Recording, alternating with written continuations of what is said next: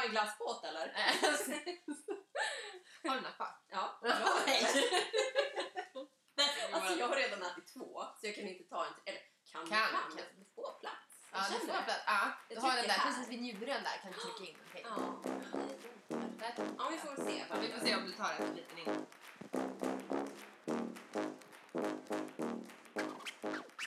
Då är ni välkomna till avsnitt nummer sju av Wow. wow. Dressed in Strength-podden. Du Anna, vad har du gjort på sistone? Du har ju varit och flängt. Ja, ja men det har jag gjort. Som vanligt. Eh, ja, vad har jag gjort? Jag har faktiskt varit nere i Kalmar Ironman. Mm. Eh, jag har ju då inte eh, tävlat om det var någon som trodde Men du har coachat väldigt Jag har bra. coachat kan man väl säga. Ja, jag har sett minsann alla klippen som har lagts upp. Ja, eh, där jag framstår som världens elakaste Du är ju kompis. ganska ödmjuk och liksom Ja, försiktig. ja precis. Du satte ord på det. Ödmjuk och försiktig. Men Nej. du, jag måste bara säga att det är ju väldigt, väldigt roligt för det är ju så otroligt tydligt att det är sarkasm. Ja, fast eh, det är så nämligen för er lyssnare att jag var nere med min kompis som tävlade på Ironman. Juliana som var med i Våra avsnittet. Ja, exakt. Eh, tävlade på Ironman full distans. Eh, och vi gjorde lite roliga klipp när jag var jätteelak mot henne och ställde helt orimliga krav på hennes prestation. Eh, och de här lade vi även ut på hennes Instagram sen. Mm. Eh, där hon fick mycket kommentarer om att jag var en väldigt elak eh, kompis och att hon inte borde hänga med mig. Du hänger med fel vänner. Ja.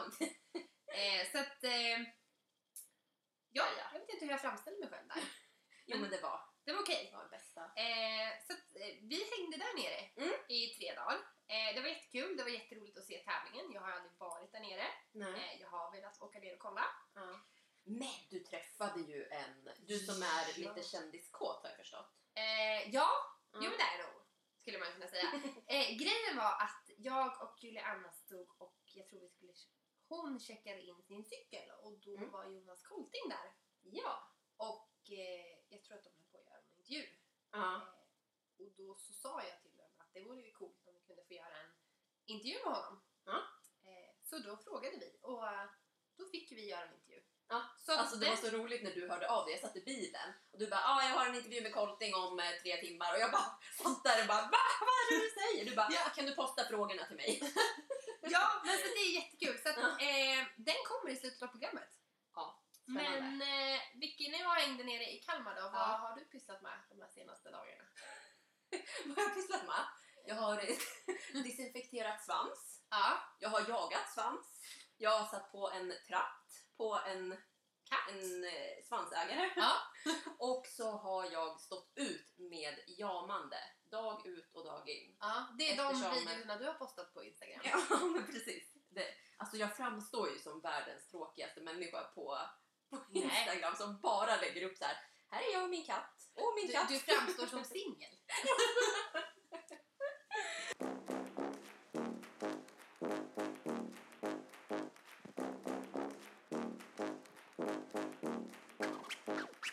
alla fall, det som hände var ju att Nike, eh, den lite... Men vad ska man säga? Hon är ju inte liksom eh, modigare, men hon är ju lite mer så här, ska vara ute Ja. och... och Hon har liksom- blivit lite mer äventyrlig sen hon Exakt. flyttade hit. Ja, för hon har ju alltid varit liksom mer försiktig Mm. tidigare, men sen hon upptäckte att det finns en hel värld. Mm, en hel trädgård. Exakt. Med tre Eh. helt egna kattlådor som hon Ja. verkar tro att det är i dina... Ja, Alltså, i en- spenatodlingen. Så den har jag ju fått kassera då. Ja, men ja. Ja, men hon, har, hon kom ju hem och eh, hade blivit biten i svansen. Mm. Eh, och då var ju jag och min syrra hemma och såg det här köttiga såret en kväll. Nej, lilla Ja. Och där började ju liksom hela faderullan då. Och hon smet, för hon kan ju öppna dörrar. Mm. Eh, så hon bara hänger sig och sen så svingar hon och sen så åker dörren upp. Hon kör lite kippade cheese. Mm. Det är lite crossfit i henne. Det är lite crossfit i henne. Så det var ja. liksom rena hinderbanan och försökt få tag i henne. Ja. Eh, men nu har det ju gått en vecka och det har varit några turer till veterinären. Så nu börjar den här lilla svansen efter mycket om och men och medicinering och allt eh, läka. Mm. Så det är ju ett äventyr att Mm. eh, leva mitt liv kan man ju säga. Ja, alltså till att hon inte smiter. Ja, och hon står, du har ju hört liksom. Ja, Eh, en liten serenad här eh, på kvällarna. Ja, men så.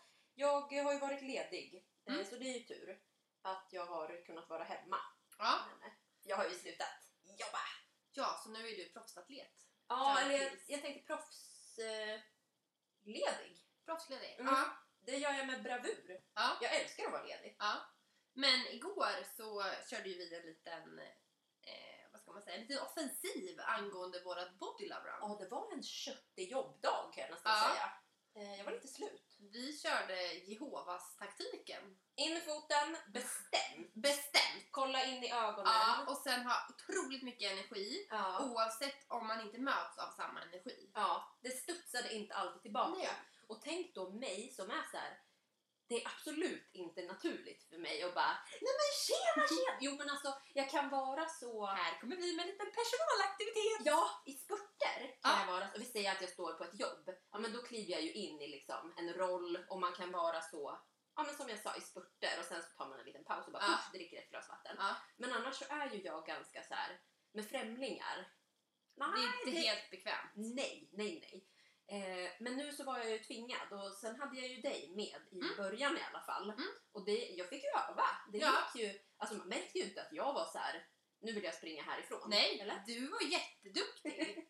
Du kändes väldigt säker i din roll så att jag tycker Men jag tog vi... ju i från tårna. Ja, Det var verkligen så här, oh, jag orkar inte en människa till. sen när jag kom hem, alltså jag var helt så här.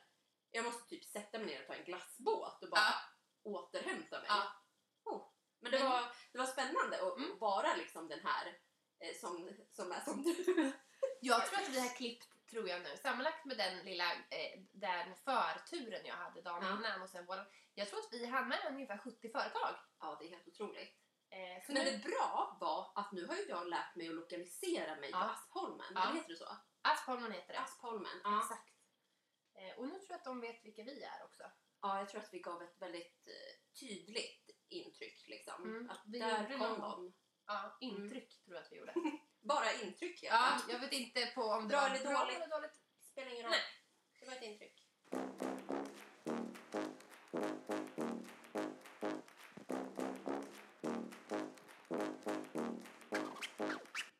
Känner inte du i luften att det är väldigt höstigt? Alltså Jo. jag kan tycka att man det kan vara så här 18-20 grader men det är ändå någonting som är så här. nu är det typ kallare. Ja. Här, Jag känner ju nu att man måste börja välja om man ska så här, frysa ihjäl på morgonen och svettas Ja, ihjäl på eftermiddagen. Ja, ja, jag, jag har svårt för höst. Jag blir, ja, alla är så här, du? Det är så mysigt och det är så eh, liksom, energigivande och jag blir typ lite nedstämd och så nervös. Ja. Jag tycker att det är mysigt nu när det börjar komma. Ja. För då börjar jag tänka på så här tjocka halsdukar och tända ljus och sådana saker. Ja. Men sen när det väl börjar bli lerigt och kallt och kladdigt, då Ja. tycker jag inte så roligt. Då känns det lite jobbigt när man vet att man har ungefär nio månader av mörker framför sig. Är det alltså, nio Ja, men- månader? Ja, vi bor i Sverige så att vi har väl sommar ja, just kanske det. tre månader. Ja, det, det är så sorgligt. Eh, men det som vi tänkte då, att vi tänkte... I och med hösten, när alla liksom... De flesta vill ju liksom komma igång med någon slags Ja. träning. Man kommer tillbaka till rutinerna, Ja. man går eh, tillbaka från semestern. Eh, så vi tänkte komma här med en liten lista eh, på vad man kan tänka på. Ja, när man ska komma igång med Ja, träningen. eller om man så här ska börja träna första gången, hur man ska känna sig till exempel lite mer självsäker när man går till Ja. gymmet. Ja. Ja, så vi kan väl börja med punkt ett då, Vicky? Ja, det tycker jag. Och det är att man har en plan. Och Ja. att man då tänker så här, vad är mitt mål? Mm. Och där skulle jag vilja flika in och säga att helst inte att det ska vara viktnedgång. Man kanske liksom vill gå ner i vikt. Mm. Men jag tror att det blir roligare om man tänker så här, jag ska bli piggare eller gladare eller starkare. Ja, orka med mina barn Kan vi mer. inte bara skita i det här med just vikten? Ja. Men så har jag, brukar jag förklara ibland för mina kunder att sikta istället på, för att, alltså sikta på att få bang for the bucks. Mm. Sikta på att bli starkare. För det finns ju ingen människa eh, som blir otränad av att bli mer vältränad. Nej. menar? Nej. Så det är ett bättre mål att sikta på att bli stark Ja. än att sikta på att gå ner i vikt. För att eh, resultaten på Mm. kroppen kommer komma ändå. Ja, ja men precis. Och som en liten så parentes då med att ha en plan och veta sitt varför man går och tränar, vilken aktivitet det än är. Det andra sidan kanske inte alls ha en plan. Eh, för att det viktigaste kanske är, det är ju väldigt individuellt, men att man bara kommer iväg. Mm. Och då kanske det blir jätte liksom, tufft och trögt att man tänker så här, nu vet jag liksom vad jag ska göra i en månad framöver. Oj vad jobbigt det känns. Mm. Eh, så i vissa fall kanske det är så här, men skit i en plan. Bara gå dit i en halvtimme. Ja, Till exakt. till exempel. Man behöver ju inte träna i en, två timmar. Det räcker med tre kvart, 30 minuter. Ja. Absolut. Eh, jag har en kollega som hade en kund som faktiskt tyckte att det var så jobbigt att gå till gymmet och hade Mm. så svårt att få rutin till det. Så hon bad honom att komma till gymmet tre gånger i veckan och läsa en tidning. Och Men sen bara gå hem. Ja. Så börja lugnt. Ja men verkligen, just det där att man, man inte ska sätta för mycket press på sig själv. Nej. Det kanske bara är att man ska till gymmet Ja. och sen bara sitta där lite och känna in. Ja, atmosfären och sen Ja. så när man har gjort det i kanske en månad då kan man börja Ja, eh, ja, kanske börja träna. vilket bra tips. Jag tror att jag ska börja med att gå till gymmet imorgon och bara sätta mig där Ja. och bara. Men jag gör ju typ så. Jag går ju till gymmet, sätter mig och dricker en, en eh, Nocco typ varje pass för att jag Mhm. måste sätta mig och landa när jag kommer till gymmet. Fast det Ja. är kanske lite andra eh, alltså, Ja, ja. orsaker. Men Mm. ändå, det är rätt skönt att komma dit och bara så här Absolut. eh, innan man börjar träna. Du, eh, sen har vi punkt nummer två då. Mm. Och det är ju då att man inte ska, det här tycker jag ju är solklart, man ska inte Mm. jämföra sig med andra. Man har olika förutsättningar, man har olika mål. Ja. Eh, så att det Men det är så lätt att säga så här. Ja, Men man ska inte, det vet ju varendaste kotte. Mm. Men man gör det. Mm. Eh, det är så här, men här står jag och fjuttar med de här vikterna och alla runt omkring står och kör liksom gånger tio de vikterna jag kör med. ja. Oj då, jag, jag ser lite fånig ut. Men det, är- man, det är ungefär som eh, att man skulle, alltså om man precis har lärt sig läsa så kan man ju Mm. inte typ så här, börja läsa typ Iliaden utan man får Nej. börja lite lugnt. Men det är ju väldigt... Eh, Och sen en grej som jag kom på, förlåt nu bara tar jag ordet här. Kör! Men det var på det andra gymmet som jag tränade på innan jag flyttade eh, hit. Mm. Eh, på ASK, då var det en tjej som jag tyckte var ascool. Jag tycker det fortfarande.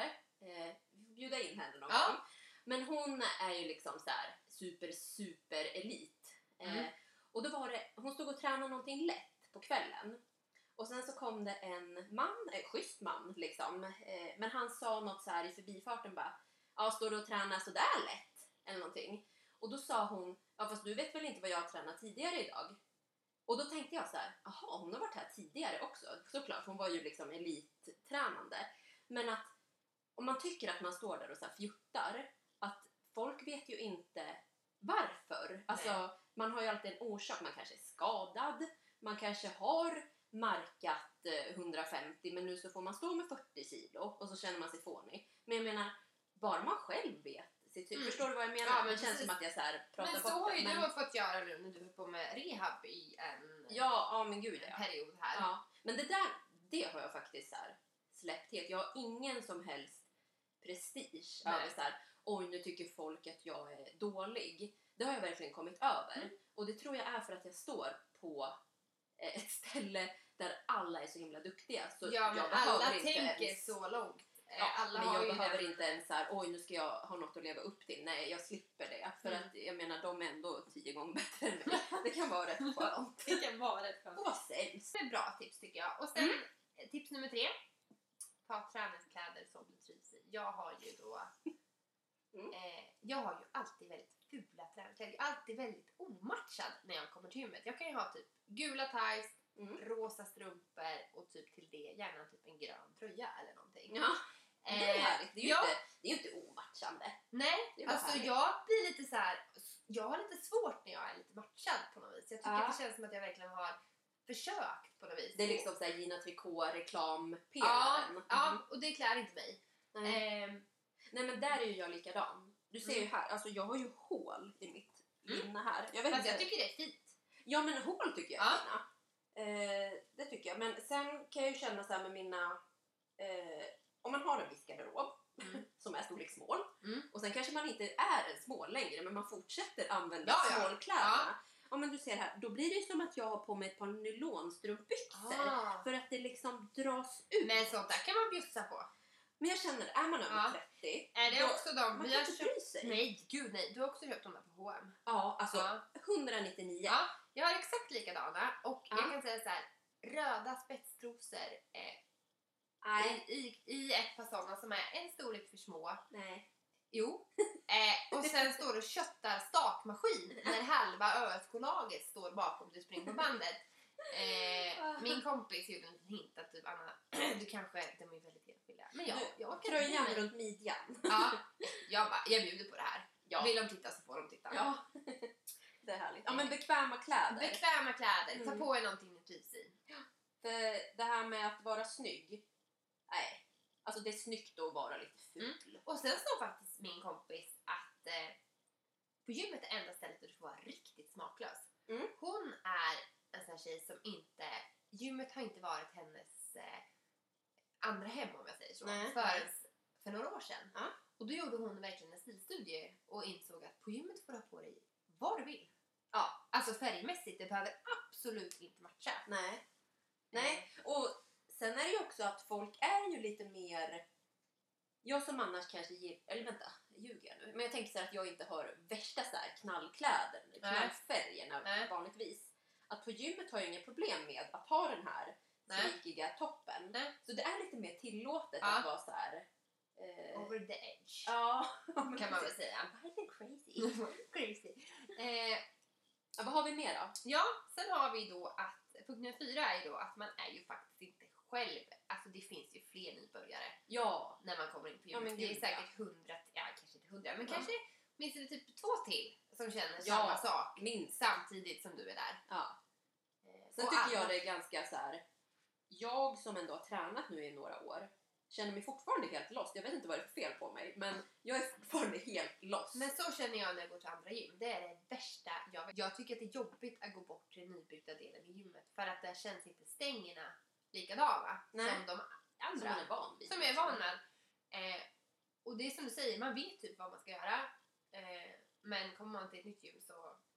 Ja, men bara lokalisera Ja. sig, just känslan i rummet. Ja, och sen kan det stå så här 60 kilo på den här och sen tar du en annan maskin och kör med samma vikt men det är mycket tyngre. Ja. Ja, men så är det ju. Liksom, olika magasin och det Ja. drar olika. Och, Ja, nej. Så att, eh, men så när man känner sig lite osäker så tänk på det. Du Tänk att in. jag är mest osäker. Och sen då, punkt nummer fem. ja, det är att... Ska jag säga Ja, punkt? ta, ta nummer fem här nu. punkt. Våga ta plats. Ja, det är bara in och visa var skåpet ska stå. Även Ja. om du inte vet var det ska stå, så kör bara. Jag så bara ställ det någonstans. Ställ det någonstans. Eh, Ja men du, ska vi inte... Kom... Du säger så här, våga ta plats. Eh, Mm.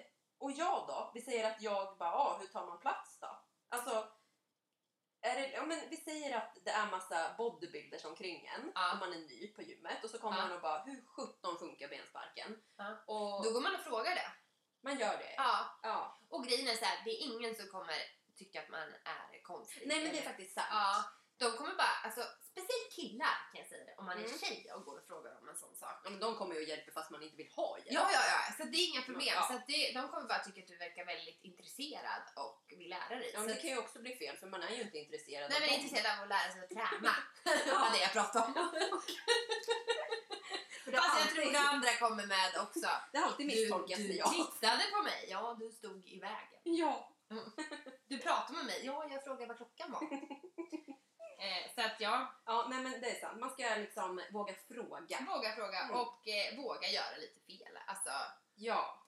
eh, du Oj. kommer inte hamna på det här Youtubes där gym eh, Nej. fails bara Nej. för att man råkar typ ja, Ja men tappa en stång eller oj Ja. oj vad jag har tappat stänger och snubblat och Ja slagit men i gud huvudet. så många gånger man har gjort såna klubbfots eh, Ja. gå, walk på gymmet. Vet, man Men går jag tycker det-. Jag tycker det är pinsammare att jag fortfarande gör det än när jag var ny. För Ja. nu känns det här, jag borde veta.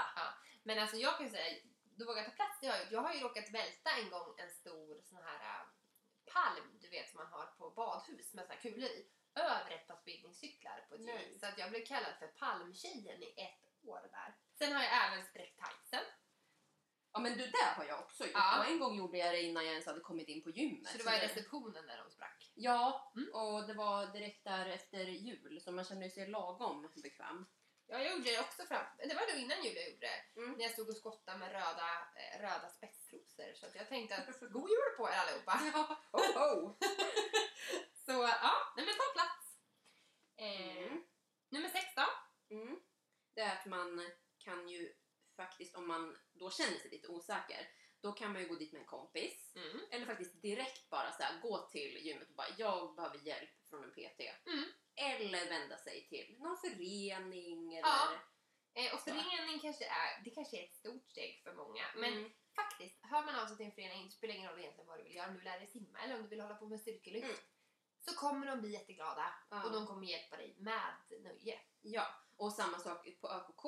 Alltså går man ner på flaket till tyngdlyftarna och styrkelyftarna Mm. och visar liksom att hej, jag kan ingenting, eller man kanske kan lite, men Mm. man är väldigt intresserad. Man får hjälp. Ja, Folk gud. älskar ju att hjälpa till. Ja, men De är ju gud. hur schyssta som helst. Så där tycker vi, eh, det är bara fråga om, Mm. om, om hjälp helt Ja. enkelt. Eller ta med en kompis om man känner sig lite Ja. osäker. Precis. Eh, nummer sju då, det är väl att man... Det här är ju faktiskt någonting som många inte gör. Ja, håller Speciellt där vid nyår. Ja. Eh, då är det som en boom på gymmet. Det vet man ju att då kan man ju inte... Måndagar efter... eh, I, måndagar i januari ja. ja. efter klockan fem är ju Det är hysteriskt. fruktansvärt. Då Ja. slutar ju jag träna Men sen vet man ju att de här nyårslöftena i februari så är de borta. Ja. Eh, och till er som brukar köra den här taktiken, Mm. eh, gå ut lugnt. Ja.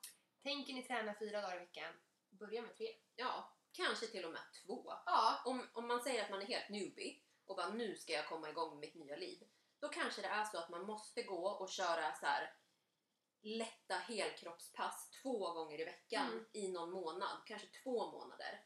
Eh, för där har ju jag, när jag började träna, eh, jag hade ju turen som hade någon, eh, en, typ som en coach då, som tog sig an mig och sa vad jag skulle göra och sådär. Men jag, det var alldeles för tufft för mig.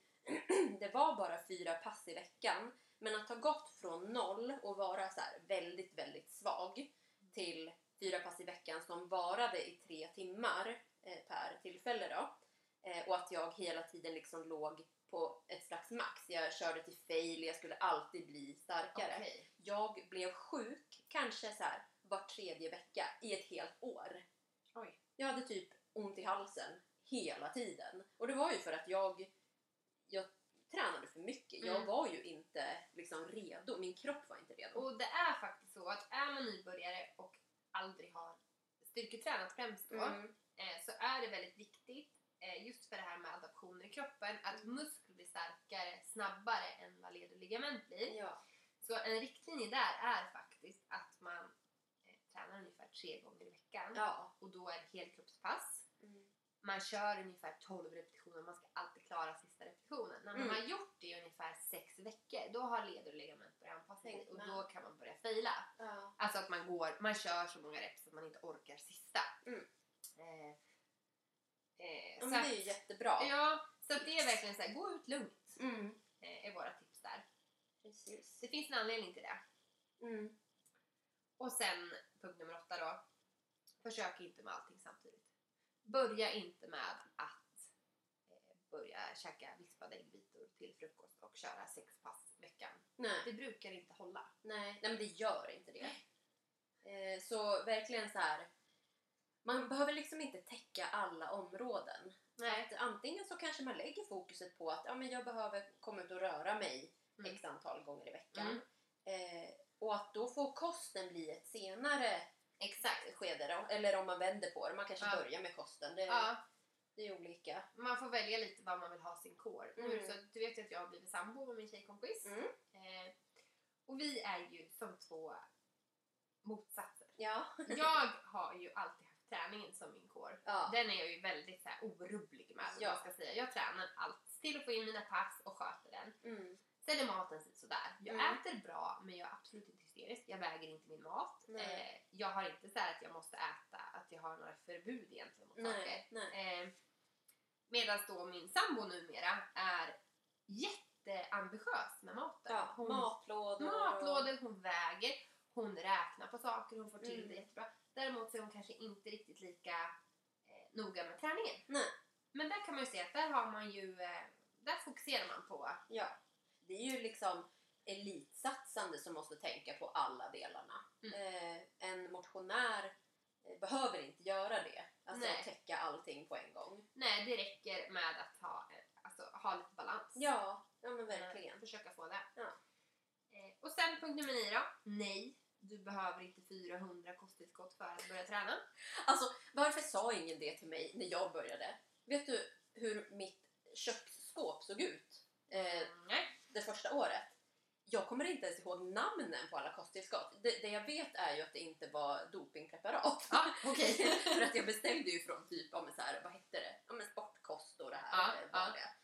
Eh, men eh, nu undrar jag ju så här, vad, vad, vad, Men var det någon som sa till dig att du behövde allt det här? Eller hur kom du in? så Ja, du... men lite så var det ju. Först började jag ju köpa eh, ja, men proteinpulver då, som varenda kotte gör.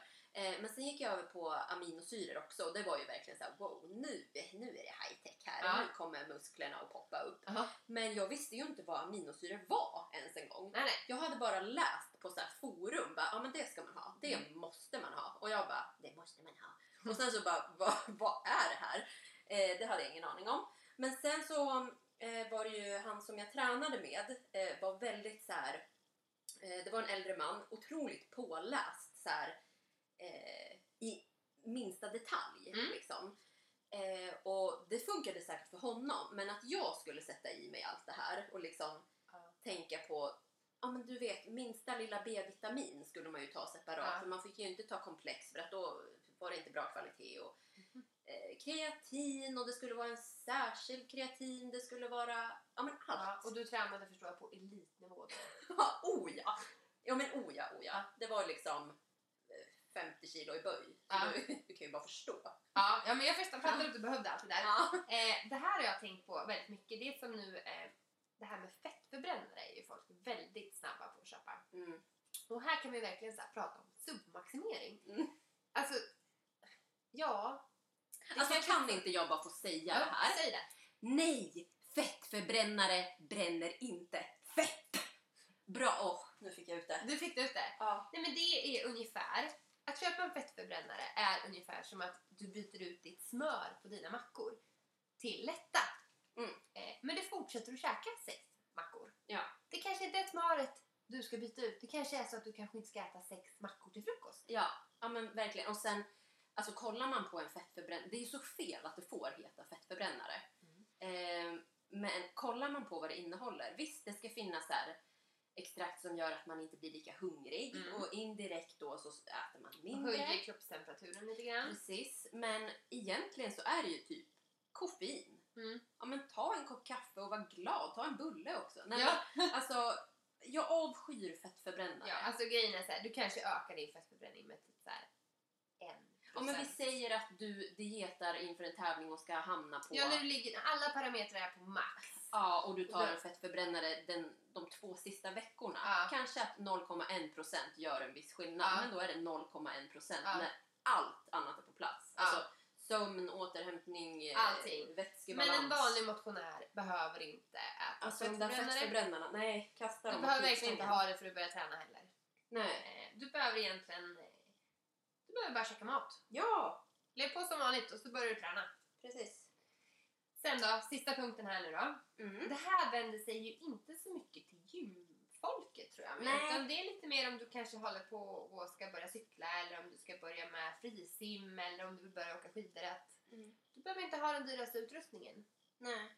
Det är lite samma sak här, ingen submaximering. Det är inte gearen som Nej. kommer vara din flaskhals. Nej. Ja men det var ju ett jättebra tips. För oftast tänker man ju så här.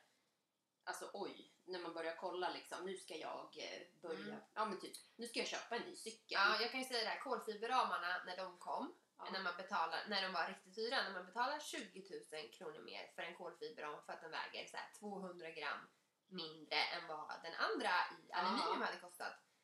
Och så ser man män med 30 kilos övervikt. Då kan jag säga så här, hade du gått ner ett kilo så hade du sparat de där 20 000. För du väger fortfarande 800 gram mer än vad du gjorde om du hade köpt, eh, vad blir det nu, den i eh, aluminium. Ja.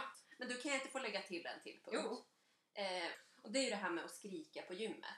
Mm. Eh, jag skulle vilja säga att det är ganska viktigt att Mm. man skriker högt och speciellt när man inte... Släpp hantlarna, särskilt om Ja. de är under 10 kilo för att man inte riktigt orkar Ja, man ska så här grymta som en björn. då, du vet, speciellt när killar gör det. Ja. Alla tjejer, de faller som furor. Mm. Det blir liksom så här, där har vi Ja. en machoman. En riktig, ja, det är precis det man vill ha, en riktig gorilla kanske. Speciellt, det som jag tycker mest är attraherande är när man tar av sig tröjan och flexar i speglarna.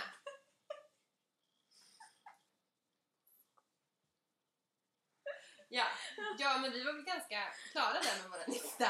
ja. Eh, det här klipper vi in. Ja.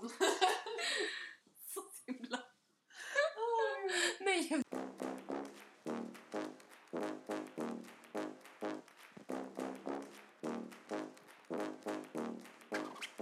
Jag hoppas att det var några matnyttiga tips i, i vår lista Ja, det alla- tror jag.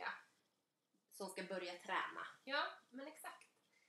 Eh, ja, nu är det så att vi eh, har gjort en liten intervju med Jonas Kolting. Det var ju du som gjorde den. Ja, Det tyckte jag var väldigt modigt. Att du Ja, bara tyckte med. honom och sen så bara stod du där. ja. Jag hade Eh, han var väldigt trevlig. Jag har ju varit Ja. lite, det har varit lite skräckblandad förtjusning. ja, för han... Alltså min bild utav Jonas Kolting har ju varit att han har varit ganska så här. Hård. Ja, Ja. i så- jag har ju bara följt lite så här vad gäller kostdebatter och Ja. sådär. Eh, och jag har väl inte alltid varit liksom överens med honom. Nej. Men eh, han verkar ju otroligt liksom Han var jättetrevlig. och... Ja. Sen tror jag kanske att Jonas kanske har den approachen.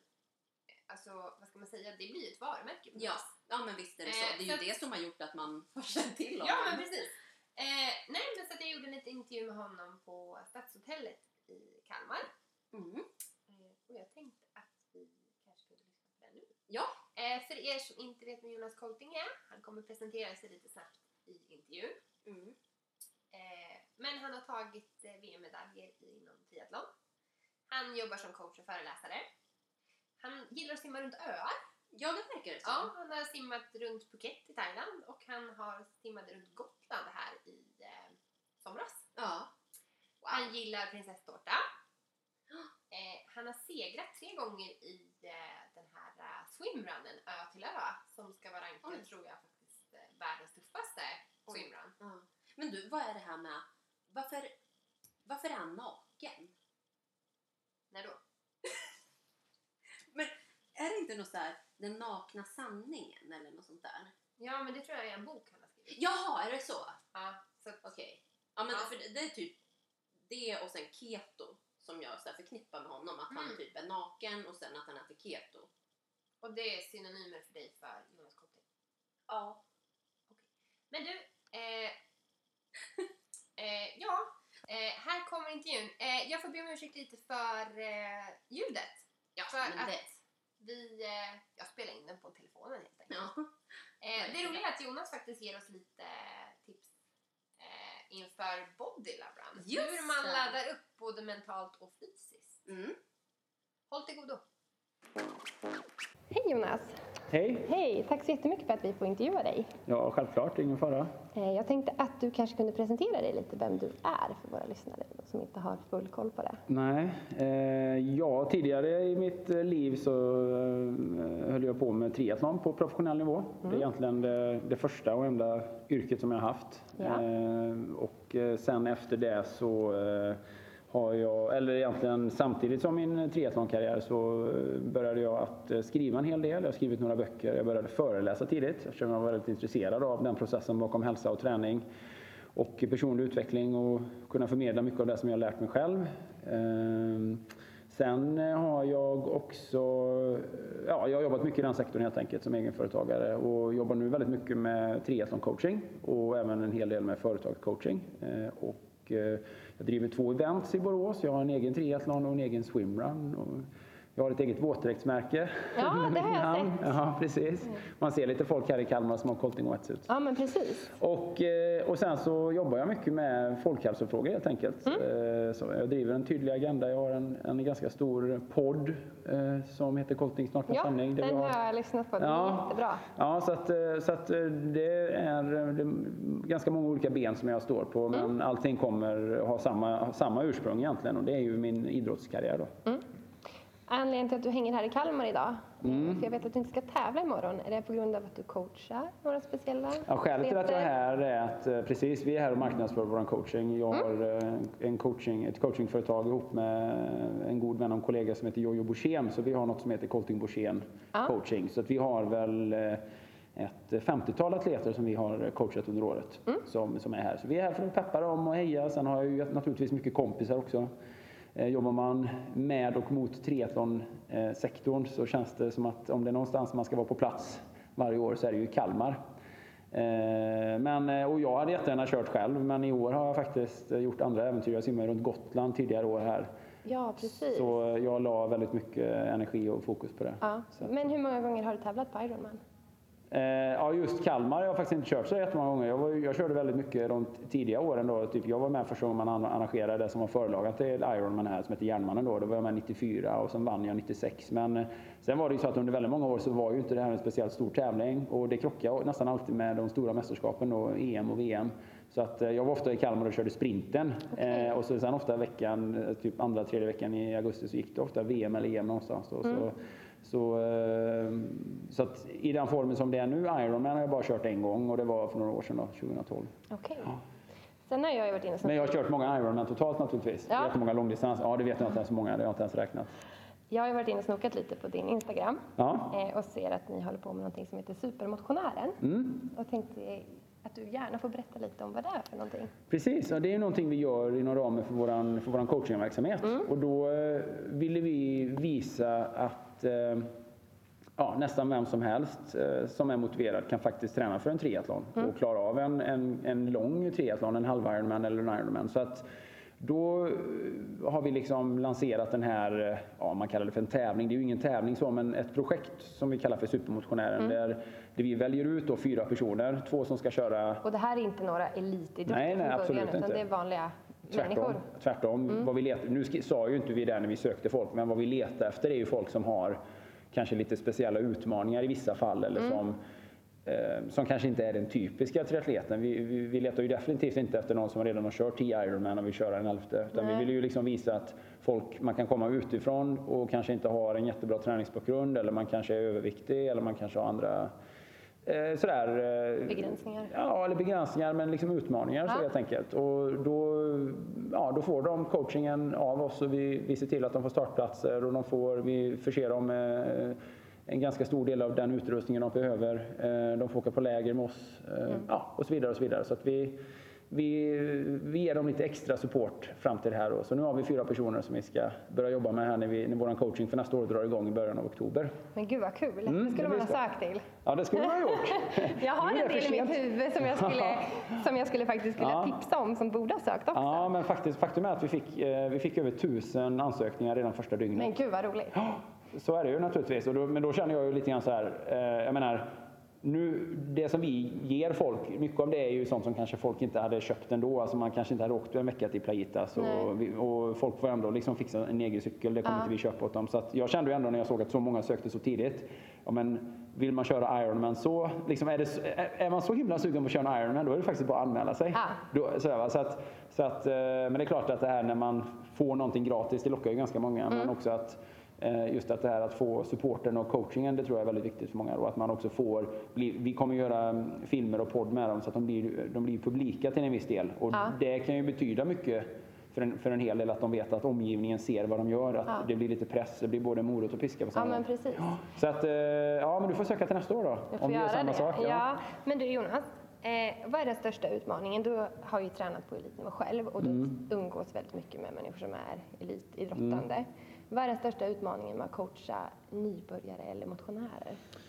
Eh, Ja, det är en bra fråga faktiskt. För det är ju olika utmaningar. Det kan vara ganska svårt att coacha elitidrottare därför att de är oftast väldigt sådär, de har redan en uppfattning om vad de vill göra och de eh, sådär, och det kan vara mer att man behöver nästan hålla dem tillbaka lite grann. De drivs av en väldigt hög ambitionsnivå och en hög motivation och sådär. Och, eh, så det, det har sin utmaning definitivt. Och att coacha nybörjare Ja, det kan ju dels vara att, att, eh, att deras initialkunskap är väldigt låg, alltså man behöver förklara precis allting. Det är nästan saker som man tar för givet själv. Eh, känner inte de till då kanske. Och det, kan ju, det kanske inte bara rör träning utan det kanske rör livet i stort. Deras uppfattning om vad en frukost är kanske, kanske är ja, en kopp snabbkaffe och en cigg. Liksom. Och det är det normaliteten i deras värld. Okej. Så, att, så här, förstår du vad jag menar? Det, är Ja. liksom, det är mer, kan bli mer än att bara coacha triathlon. Det kan bli väldigt mycket Coach. livsstilscoaching också i Ja, det då. Men sen är det ju också att man behöver mera tid och man behöver liksom, man behöver, man behöver, eh, de är inte vana att avsätta tiden som det krävs för triathlon. Eh, Alltså just att i hela deras föreställningsvärld ligger i kanske att ja, allting som är mer än en motions, ja, allting som är mer än en promenad i veckan är att betrakta som mycket träning och så kommer vi med vårt program då där det ska vara träning i princip varje dag. Ja. Och sådär. Så att det, det finns en hel del trösklar att överkomma men vi är ju väldigt tydliga med det att vi, vårt jobb, eller mitt jobb som coach, det är inte att motivera folk. För jag kommer inte, jag har inget, jag är inte en sån coach som tjatar och säger snälla, snälla, var med i det här loppet för min skull. Utan det är ju så, och så jobbar jag ju på alla plan. Liksom att, eh, om folk inte vill göra någonting, nej men det är ju helt okej, fine. Mm. Alltså, det, finns, det finns ju många goda skäl till att man inte vill köra triathlon kanske. Mm. Men eh, om man vill, fast inte kan, då är ju jag rätt man. Då är det optimalt. Ja, det är dig man ska kontakta. Absolut, och så är det ju med livsstil i stort. Jag skulle aldrig hoppa på någon som jag tycker äter någonting felaktigt och liksom missionera sådär i tomme. Det skulle jag aldrig göra. Men om någon så här har problem med någonting och vill förändra men inte kan, då, då är jag också rätt man. Va? Så att det gäller ju att veta hur man lägger nivån och, och för nybörjare får man också börja väldigt eh, lätt och litet och man får bygga mycket kunskap. Det är alltså inte bara färdighet som det handlar om eller att få dem att ut och röra på sig utan man måste ju bygga mycket eh, kunskapsbanken helt enkelt och förklara mycket. Eh, Du var ju med och gjorde ett program som hette Riktiga karar tror jag. Ja. Som jag fullkomligt älskade. Jag tittar aldrig på TV. Nej, men eh, det såg jag varje avsnitt av. Just det. Eh, hur var det? Där var ju verkligen totala nybörjare Ja, förstod. ja det, det kan man lugnt säga. Man kan nog inte ha blivit mer nybörjare än vad Nej. man var. Men det gick ju Eh, väldigt bra. Ja, det, det gjorde det faktiskt. Eh, Och nu ska man komma ihåg att hade vi, ja, ett tv-program är ju inte riktiga livet och väldigt mycket av det man ser när vi spelar in tv det handlar ju väldigt lite, det handlar inte speciellt mycket om triathlon. Eh, För att så fort jag träffade dem så var det just tv-inspelning och det gavs väldigt lite tid på liksom hands-on faktiskt triathlonträning då exempelvis. Att lära dem att simma eller att lära dem att cykla eller att lära dem att springa och så vidare. Då. Så att eh, det var ju en kamp mot tiden och väldigt mycket av den coaching jag gjorde fick jag göra mejlledes och med väldigt små medel och med små marginaler och så. Men eh, det blev ju väldigt bra. Det som var fördelen med tv-koncept är ju att de också visste tidigt att det de gör kommer ses av hela Sverige. Så att de hade ju pressen på det sättet att, eh, att om de slarvar med träningen och struntar i det så skulle väldigt många se det. Och, så att det fanns ju en stor motivationsfaktor i det. Eh, Men samtidigt eh, är jag jättestolt över det som vi gjorde för att eh, de kom ju i ganska, ja, de förändrade sin livssituation ganska rejält på tre och en halv månad och gick från att vara fullständigt urusla konditionsmässigt till att faktiskt ja, klara av en olympisk triathlon. Ja, mer eller mindre klara av, men ja, på det stora hela. Men där tyckte jag också att du gjorde verkligen en livsomvändning. Mm. Alltså de gjorde livsomvändningar just för att det verkar som att de tyckte faktiskt att det var väldigt kul att träna. Ja, både ja och nej. Eh, de eh, tyckte ju kanske att det tog mycket tid. De var inte vana liksom att eh, man behövde prioritera annat än vad de hade gjort. Men jag sa ju till dem tidigt att triathlondelen var ju egentligen sekundär till det, till det som var viktigt för dem och det som de kunde tjäna på på lång sikt. Det var ju liksom livsstilsförändringen och hälsovinsterna. Då. Jag menar, en tv-serie kommer ju och går och sen en vecka efter så har ju folk glömt det lite grann. Men att jag försökte peppa dem med att de kunde lära sig någonting och göra förändringar som de skulle ta med sig under en lång tid framöver. Då. Och det tror jag bet rätt bra på dem faktiskt. Så att vi jobbar mycket med matbiten exempelvis, att få dem att äta bättre, gå ner i vikt. Eh, Så att, eh, ja men det, det, blev, det blev bra faktiskt. Ja, det var ett jättekul Ja, det var det. Ja, Ja. Precis. Hade jag fått bestämma hur man... Nu är ju jag, jag var ju liksom inhyrd coach och så. Så att jag hade ju väldigt lite att säga till om när det gällde konceptet. Så att eh, det är ju så med TV. Det finns ju alltid... Det ska ju vara... eh, En TV-serie är ju per definition någonting som folk ska titta på i underhållningssyfte naturligtvis. Då. Så att det finns ju alltid delar i en sån produktion som jag hade kunnat valt, som jag hellre hade gjort annorlunda Ja. med då, naturligtvis. Va? Så att man får ta det för vad det är. Men det jag har hört är att det var väldigt inspirerande för Ja, många. jag tror att det var väldigt inspirerande för Ja, många kul. som vill komma just som är lite i samma situation som de var. Precis. Går från Eh, noll till att faktiskt... Ja, och det är så vi ser också vår supermotionär nu då. Kanske inte riktigt så extremt. Men, men ändå, jag menar, vi coachar ju våra för att de ska köra en långdistans. De här killarna kör ju bara en kort triathlon. Så att det, men det ska ändå vara samma känsla lite grann då. Att man överkommer lite hinder och problem och sådär. Och lär sig något. Men du Jonas, Mm. du har ju gjort alla möjliga eh, tävlingar. Ja. Tappar du någonsin motivationen?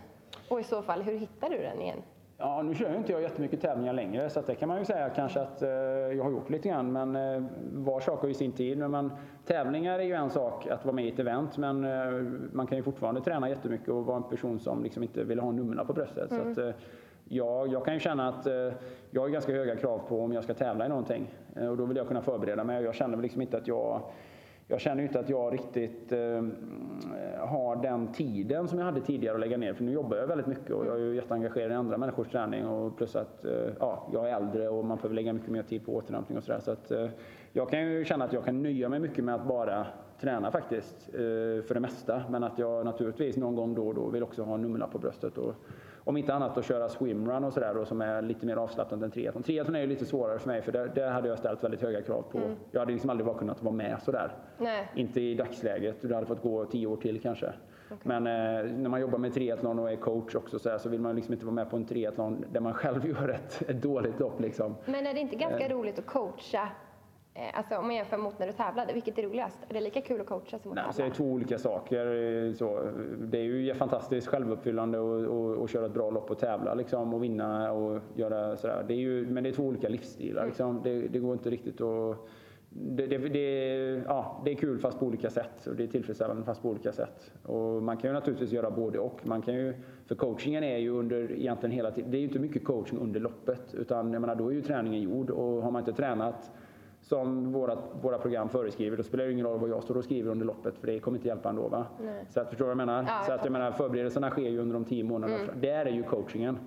Eh, så att, eh, ja men det finns, så det, det, båda sakerna är tillfredsställande och jag hoppas ju kunna köra lopp i framtiden också naturligtvis. Fast ja, på en lägre nivå, jag kör ju inte som professionell naturligtvis längre då. Men, eh, okay. tränar gör jag ju mycket hela ja, tiden. Det, så den, ja, det finns ju alltid med i livsstilen så att den delen skulle jag ju aldrig någonsin tappa. Men sen Ja, så får man växla upp. Men jag, jag gör ju lite saker som är lite bredare idag. Liksom. Jag kan ju tänka mig, jag kör ju en del etapplopp på, på mountainbike exempelvis. Mm. Jag kör skidlopp och sådär. jag har ju liksom inga ambitioner att vara duktig. Jag gör ju det för att jag tycker att det är en härlig kick och att jag har någonting att träna för. Så att jag kan ju vara väldigt prestigelös när jag är med på saker som jag inte är specialist på. Men det är just triathlon som, där hade jag velat komma bra förberedd och göra mig själv rättvisa. Mm. Så. Förstår jag. Mm. Eh, men sen vet jag att du är ganska aktiv inom kostdebatten. Mm. Eh, sen vet jag också att du gillar prinsesstårta, tror jag att det mm, var. Just det. När åt du det senast? Ja du, det var nog ett tag sedan faktiskt. Det var nog, kan ha varit när jag simmade mot Gotland vid något tillfälle. Mm. det var, ja, det kan, ja, jag, vet, jag kommer faktiskt inte ihåg det, men eh, någonstans tidigare i somras i alla fall. Det är gott tycker jag, det kan man unna sig ibland. Ja, det är bra. Å andra sidan äter jag inte så mycket annat som är skräp så till vardags då. Nej, vi idrottsinstrument gillar ju träning och kanelbullar. Det är lite bara en... Det kan man ju också äta någon gång så. Jag, jag, tycker det är viktigare att fokusera. Det, jag menar man ska ju unna sig och det gör jag också. Men jag tar ju hellre bort det som så här, frukost, lunch och middag. Alternativ som inte är så nyttiga då. Så mycket mm. jag tycker tillför så mycket. Så. Så att, eh, men det som är gott det ska man ju absolut unna sig. Mm. Det, det är jätteviktigt. Sen tänkte jag fråga dig också hur man kan påverka unga till en hälsosam livsstil och inte styras av alla ideal som man hela tiden matas med. Det är ju svårt, men det får man ju bestämma sig för. Jag menar, vi når, nås ju av, jag menar, vi bor ju inte i Östtyskland där det bara finns en kanal av information. Utan vi Nej. nås ju av, eh, på både gott och ont, information från alla led. Så man får ju helt enkelt välja, välja vilka avsändare man tycker är, är eh, eller så, vilka avsändare som är trovärdiga. Och som vuxna väljer man ju naturligtvis själv och har man barn eller ungdomar i sin omgivning får man ju helt enkelt vara en, eh, en bra förälder och se till att de får, får goda förebilder. Men jag tror att eh, om, man, om vi pratar om barn och ungdomar så är, alltid, så är föräldrarna den bästa förebilden och att, att man ska leva som man lär och man ska se till att få med barn och ungdomar tidigt i en aktiv livsstil och normalisera det. Det tror jag är jätteviktigt. Sen är det ju ett problem med skeva kroppsideal och ja, det ena med det andra. Och det, och vi lever ju i en ytlig värld, tyvärr är det ju så. Men eh, det får man försöka vara en bra motvikt till och lägga det på en, eh, en nivå som är, som, är, eh, som är bra helt enkelt. Så att, men det är ju jättesvårt och det är ju väldigt olika från person till person tror jag. Från fall till fall och, från, och sådär. Och det är väl en del av ungdomen också och, och sådär. Det är väl en del att växa upp och inte riktigt veta var man står och vem man är sådär. Så att det är ju en period som alla har. Även, ja. så att, men det är säkert tufft. Mm. Sen är det så, vår podcast heter ju Dressed in Strength. Ja. Vi går klädda i styrka. Och då måste vi fråga dig, vad är styrka enligt Jonas Kolting? Ja, styrka är att kunna vara den man är och stå för vad man tycker, tycker jag. Stå upp för det man tycker är rätt och ha ideal eller, eller att, uh, ja, att uh, att våga vara sig själv, det är styrka tycker jag. Att ha integritet och att uh, veta vad som är rätt och fel och så vidare. Det tycker jag är en bra definition av styrka.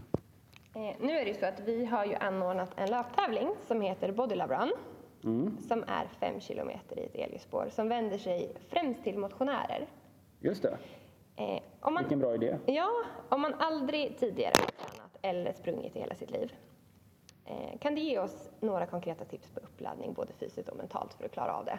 Nej, men jag kan tycka att eh, när det är ett sånt här förstagångslopp som, är, som, som riktar sig till nybörjare som eh, också har en väldigt anspråkslös approach, att man kan komma som man är. Det står ju här att man kan komma både joggandes, gåendes, i rullstol, permobil, rullator eller så. Så jag tycker inte man behöver ens känna att man behöver förbereda sig. Jag tycker bara man kan komma dit och bara delta och det är uppenbart att man kan ju gå runt liksom. Så att eh, det är väl en kanonidé att, att känna att det här är väldigt kravlöst. Man kan, jag, menar, det är ju jätte, jag tycker att man ska motionera ändå oavsett. Va? Men eh, om det här blir kickstarten för att börja motionera så är det superbra. Och jag tror nästan alla klarar 5 km promenad. Mm, Maxtiden är 90 minuter så man kan ta en liten powernap om man vill ja, precis. göra det. Ja, men precis. Så att, eh, så att eh, förberedelserna består väl i att ta reda på detaljerna kring det här och att man ska komma då den 16 nionde. Rätt tid och plats. Ja, rätt tid och plats. Och, så ha, och så då i, åtminstone ha något sånär då promenadvänliga skor ah. och anpassas klädsel till vädret. Så, mycket, så långt tycker jag man ska förbereda sig och i övrigt så tycker jag att man kan bara komma dit och vara med då. Och så får man hoppas att det blir starten för lite mera regelbunden motion. Mm. Men du, då får vi tacka dig Jonas ja, för att vi fick intervjua dig. Ja, det var tack jätteroligt. Så Tack.